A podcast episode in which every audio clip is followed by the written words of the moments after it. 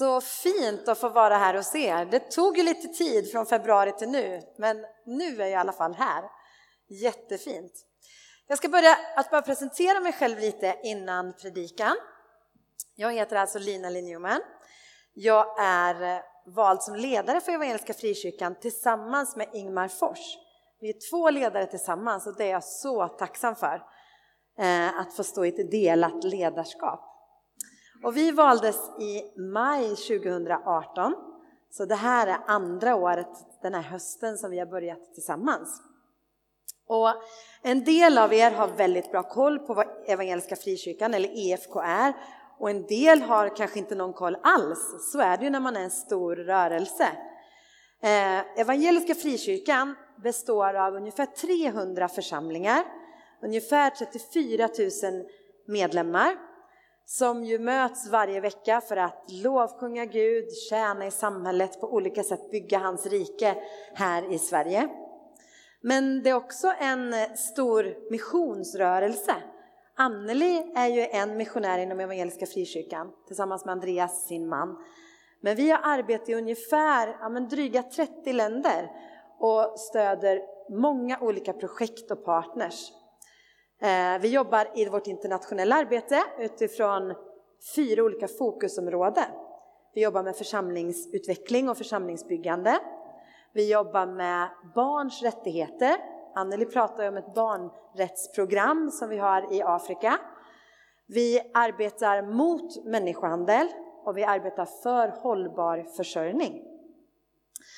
Sen är ju också EFK en del av utbildning. Vi har ju både folkhögskolor och ALT som är pastorsutbildningen på högskolenivå. Så allt det här det är ju vi en del av. Och här i Örebro så finns det ju många EFK-församlingar och ni är ju en av dem. Och här har vi också vårt kontor och där har vi liksom vår bas här i Sverige med allt det arbete vi gör av administration och kommunikation och insamling. Och där har jag också mitt kontor och utgår ifrån. Och sedan i eh, juli i år så bor vi i Örebro. Första året så pendlade jag från Linköping. Eh, jag har innan jag blev missionsdirektor arbetat i Johanneskyrkan som pastor i 12 år i Linköping. Och första året så pendlade jag därifrån, åkte genom Källmoskogen där. Men eh, sen i juli så bor vi här med hela familjen. Och jag är gift med Jan som är med mig här nere. Du kan vinka lite, där är han. och sen har vi fyra döttrar. Vi har Levisia som är 21 år och som eh, bor här i lägenhet i Örebro och läser på universitetet. Hon Bodde här redan förra året.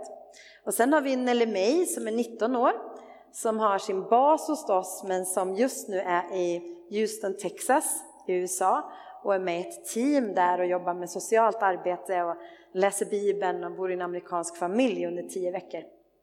Och sen har vi Lollo som går andra året på gymnasiet och sen har vi Selma som har börjat sjuan. Och Selma hon är här varje vecka hos er i Filla för hon är med på konfa här. Vi är annars med i mötesplatsen och mötesplatsen har konfan tillsammans med er. Och hon sa till mig bara i förrgår att jag älskar verkligen min konfagrupp. Det är så bra och jag älskar mina ledare på konfan. De är jättebra. Så roligt. Och eh, när vi skulle flytta hit, då tänkte jag så här, ska man gå runt i alla EFK-församlingar och liksom känna in vilken man ska gå med i? Och då tänkte jag, det kommer aldrig gå, för då kommer man vilja gå med i varenda en. För det finns så bra saker i varje församling. Så vi gjorde inte den grejen, utan jag gick på att jag har en av mina bästa vänner i mötesplatsen och då tänkte jag, då går vi dit. Så behövde vi inte liksom välja. Så där landade vi in. Men det är så lyx för mig att jag får komma så här och se flera olika församlingar och möta er och att vi är en enda stor familj, eh, Kristi kropp här i Örebro. Så jag känner mig hemma här också hos er. Ja, rädsla i en orolig tid. Det var ju den rubriken som jag fick för den här predikan. Och vi ska börja med att läsa texten från Matteus 6, vers 25-34. Därför säger jag er, bekymra er inte för mat och dryck att leva av eller för kläder att sätta på kroppen. Är inte livet mer än födan och kroppen mer än kläderna? Se på himmelens fåglar, de sår inte, skördar inte och samlar inte i lador, men er himmelske fader föder dem. Är inte ni värda mycket mer än dem? Vem av er kan med sina bekymmer lägga en enda aln till sin livslängd? Och varför bekymrar ni er för kläder?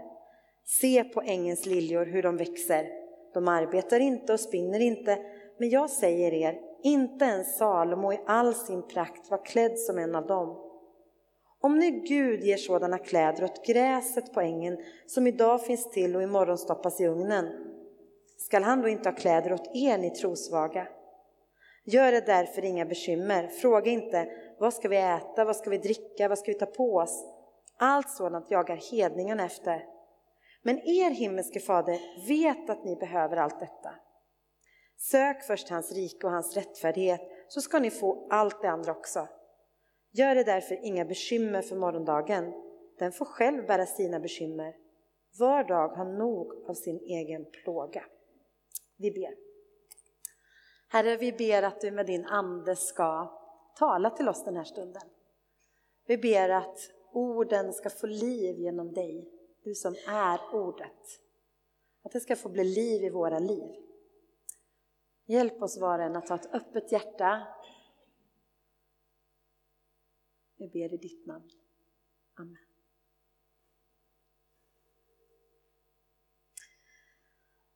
Ja, här i en av Jesu mest kända predikningar, bergspredikan, så talar han till sina lärjungar om just rädsla, eh, bekymmer, oro i en orolig tid. För Jesu lärjungar, de levde verkligen i en orolig tid och man såg till deras omvärld.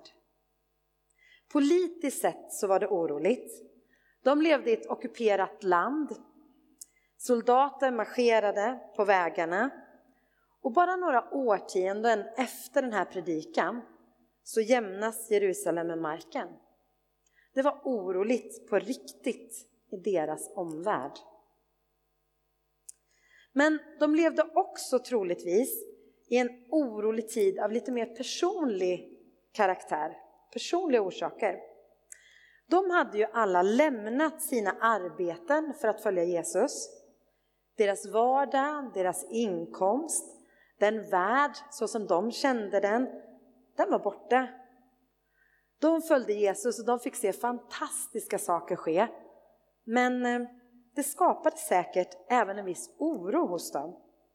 För Jesus han var ständigt kontroversiell. Han hade alltid hot hängande över sig. Han utmanade makten. Vem var han egentligen Jesus? Vilken typ av motståndsrörelse hade de gått med i? Vad skulle detta sluta? Så det var en orolig tid för dem Både sett till omvärlden och till deras personliga livsresa, var de befann sig just nu. Och mitt i det här så sätter sig Jesus ner och så talar han till dem och så säger han, gör er inga bekymmer för morgondagen. Ja, det är ju lättare sagt än gjort i det läget. Och då funderar jag lite på, vad lever vi i för tid? Ganska många tror jag bär på en känsla av att vi lever i en, i en orolig tid. Idag på morgonen så fanns den här rubriken på Aftonbladet. Eh, vår utrikesminister hon säger att ryska företrädare för civilsamhället vågar inte komma hit för att det är så oroligt i vårt land. Hon berättar vidare att bilden av Sverige i ryska medier är otroligt mörk. Och hon säger att det är desinformation och det är helt knasigt. Ja, man kan fundera på det. Är det farligare i Sverige nu? När man ser statistik på våld med dödlig utgång i Sverige så ligger nivåerna ganska jämnt över tid. Men det kan förändras lite i karaktär. Till exempel är det så att det dödliga våldet i hemmet, som fortfarande är det absolut största, det minskar något. Medan det dödliga våldet i kriminella sammanhang, det ökar.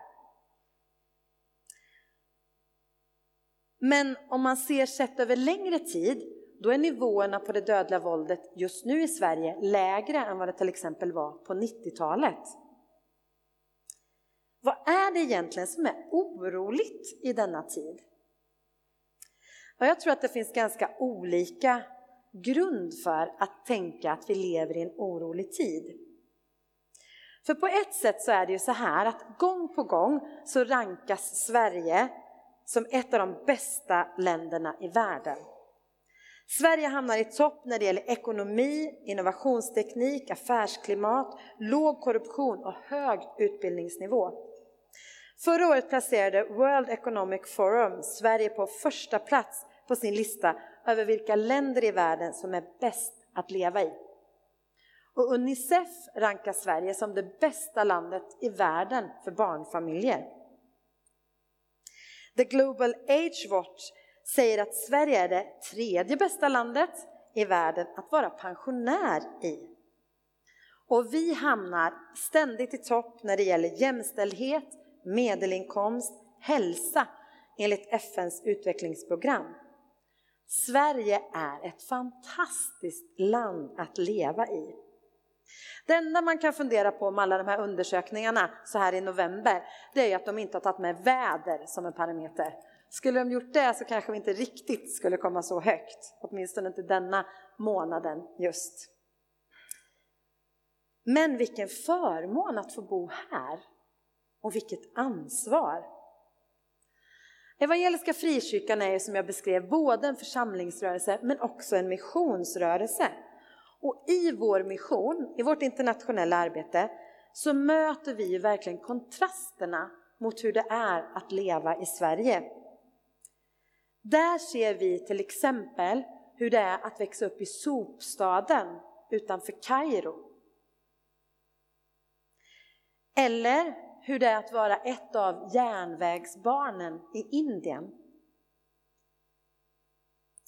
Vi ser också omfattningen av krisen i Venezuela och alla människor som tvingas på flykt. Och vi finns också på plats i Mosambik när den stora eh, orkanen svepte in och förstörde allting där. Då fanns vi där och hjälpte till de familjer som förlorade sina hem. Det är en otroligt stor kontrast det vi möter i vår mission med i vårt internationella arbete mot det som är vår vardag här hemma i Sverige. På så många olika sätt. Det är inte bara i Ryssland som det sprids en mörk bild av Sverige. För när man lyssnar till samhällsdebatten eh, och när man läser Eh, i tidningar och man ser på sociala medier så är det inte tacksamhet och generositet, värme och medmänsklighet som präglar vårt samhälle och debatten. Nej, utan istället så är det en allt större rädsla som sprider sig. Och det man är rädd för och det som ofta kommer fram, ja men det är en rädsla för de som har tvingats fly från en annan kultur, från krig, från miljökatastrofer. Man beskriver och man möter en rädsla för religionens påverkan på samhället och hur det ska bli. Det finns en rädsla för det som är annorlunda och så vill man bevara och bevaka. Så det som hörs i debatten det är istället talet om hårdare tag, minskad invandring och minskat bistånd till andra länder som drabbats av krig och miljökatastrofer. Mm. Jag tänker att vi lever i en orolig tid. Men eh, det är inte invandringen, det är inte bönutropen, det är inte de 7000 som omfattas av gymnasielagen som gör att jag tänker att det är en orolig tid. Nej, jag är istället orolig för den kyla, den brist på empati och den hårda retorik som formar våra tankar om vårt land, om oss själva och om den andra och som skapar och spär på rädsla. Rubriken är ju Rädsla i en orolig tid. Och trots att vi bor i ett av världens tryggaste och fredigaste länder så är det ändå politiskt sett en orolig tid. För ideologier som spär på rädsla och hat och som vill bygga murar mellan människor vinner mark på olika sätt i hela västvärlden och också i vårt land. Och de vindarna skapar en orolig tid. Vart ska det sluta? Hur ser morgondagen ut i ett samhälle som präglas av rädsla och hat? Hur orolig kan vår tid bli? Ja, rädsla och oro. Rädsla i en orolig tid. Det kan ju handla om de här omvärlds, eh, omvärldssituationerna. Det kan handla om ideologier och samhällsklimat. Men det kan också handla om de mer personliga, att gå igenom en orolig tid personligen i livet. Där stora förändringar sker, precis som det gjorde för lärjungarna. Stora livsförändringar när vi inte vet hur morgondagen ska bli för oss rent personligen, det blir också en orolig tid. När man inte vet hur framtiden blir. Och det kan bero på att man kanske är förlusten av ett arbete eller av trygghet på något sätt. Det kan handla om att man tar studenten eller att man blir pensionär. Det kan vara insikten om att man är gravid eller insikten om att man kommer aldrig bli gravid. Det kan vara att komma in på en utbildning som man har drömt om jättelänge. Eller det kan vara känslan av att inte ha en aning om vad man vill bli när man blir stor. Det kan vara ett sjukdomsbesked eller det kan vara en ny relation. Allt detta och mycket mer kan ju skapa en orolig tid i våra liv rent personligen. En rädsla för hur morgondagen ska bli. Och oavsett om vår, den oroliga tiden handlar om omvärlden eller om mer oss personligen så möter Jesus oss mitt i det. Han sätter sig ner och så säger han Gör dig inga bekymmer för morgondagen. Den får själv bära sina bekymmer. Var dag har nog av sin egen plåga. Han kommer sådär med en direkt uppmaning att inte bekymra sig. Och jag tänker, är inte det hemskt oansvarigt att vara så bekymmerslös? Är vi verkligen kallade att leva så? Utan bekymmer för morgondagen? Utan rädsla? Det står ju så mycket på spel. Det kanske står hela vårt lands framtid på spel. Eller åtminstone mitt personliga liv kanske står på spel. Eller mina barns framtid. Är det ändå inte på sin plats att bära lite bekymmer i hjärtat för morgondagen? Men Jesus han ser på mig med kärlek när jag säger sådär till honom och så säger han Vem av er kan med sina bekymmer lägga en enda aln till sin livslängd? Mina bekymmer kommer alltså inte förändra situationen. Det hjälper inte att jag oroar mig eller är rädd för vad som ska ske imorgon. Inte ens när det handlar om stora viktiga skeden i världen men inte heller när det gäller mitt personliga liv. Var dag har nog av sin egen plåga. Under oroliga tider i mitt liv, när jag tycker det har varit tungt och svårt att leva, så har just dessa ord givit mig så mycket tröst. Var dag har nog av sin egen plåga. Tänk att det är Jesus som säger det. Han som säger att vi inte ska oroa oss för morgondagen säger samtidigt att en dag kan faktiskt vara fylld av sin egen plåga. Han förnekar inte att livet kan vara svårt och tungt. Det räcker att jag hanterar denna dagen som jag lever i nu. Det kan vara tufft nog. Jag måste inte också hantera morgondagen. Men jag är sedd av Jesus. Han ser att denna dagen är svår. Och på något förunderligt sätt så har det där alltid gett mig sån tröst. Var dag har nog av sin egen plåga. Och när vi sitter där och ändå är tyngda av vår rädsla så pekar ju Jesus på liljorna. Se på ängens liljor hur de växer. De arbetar inte och spinner inte. Men jag säger er, inte ens Salomo i all sin prakt var klädd som en av dem. Om nu Gud ger sådana kläder åt gräset på ängen, som idag finns till och imorgon stoppas i ugnen, skall han då inte ha kläder åt er, ni trosvaga?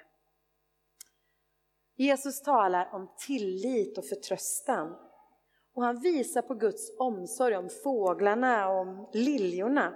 Någonting som är så flyktigt. Jag var tvungen att kolla upp hur länge lever till exempel en svala? Cirka fyra år. Och en lilja den vissnar och kastas i elden redan imorgon. Men en människa, du, du är skapad till Guds avbild. Hur mycket större omsorg har han inte då om dig? Jesus kallar oss att leva i tillit och förtröstan, bekymmerslöst. En dag i taget. Också när vi lever i en orolig tid, eller kanske just då när vi lever i en orolig tid. En person som har lärt mig väldigt mycket om förtröstan, det är Florin. Jag lärde känna han och hans fru Elena för några år sedan. De är pingstvänner från Rumänien och som många romer så saknade de ju möjlighet att försörja sig och de provade på att resa upp hit till Sverige och de satte sig och började tigga i Linköping när de inte fick några jobb. Och så startade eh, kyrkorna i Linköping tillsammans med Stadsmissionen Crossroad där man serverade lunch till dem varje dag i Johanneskyrkans lokaler. Så jag började ha lunchandakt med dem. Eh, det gick upp för mig att det är bröder och systrar som sitter här. Och så samlades vi en gång i veckan runt ljusbäraren i Johanneskyrkan och så hade jag, en av dem kunde tolka lite grann från engelska och så skulle jag dela någonting med dem från Guds ord. Och jag kände hur jag bara, jag bara famlade. Vad skulle jag säga till dem som inte ens hade något hem att sova i i natt? Vad skulle jag säga till dem som inte ens visste hur mycket mat de skulle få kommande dag? Jag insåg att för mig så var förtröstan väldigt nära förknippat med materiell trygghet. Men jag upptäckte också att det var det inte för dem. De läste Guds ord. De eh, bad till Gud för varandra och för andra. Och de kom till och med och gav kollekt under våra små andakter. De frågade, vad kan vi ge våra pengar? Och så la de några små kronor i vår korg där framme. Jag lärde mig så otroligt mycket av dem om förtröstan och tillit på Gud. Och en dag så fick jag höra att det hade stått om dem i tidningen, i Östgötakorren. Där fanns ett reportage om dem. Jag var tvungen att läsa. Och då var det i samband med att det kom, flyktingvågen kom. Det kom människor från Syrien till Linköping. Och då berättar den här artikeln att vilka stod på perrongen och mötte flyktingarna när de kom? Jo, det var tiggarna. Florin och Elena och de andra som jag brukade be tillsammans med, de stod där på perrongen. Och när de förstod att de här människorna kom från kriget, då gick de fram med det de hade fått under dagen när de tiggde. Det var lite frukt i en plastpåse. Och så gav de det till dem och sa, ta det ni. Och sen gick de vidare och la sig hungriga och sov under en bro. Vilken generositet! Vilken tillit på Gud, vilken förtröstan! Sök först hans rike och hans rättfärdighet, så ska ni få allt det andra också.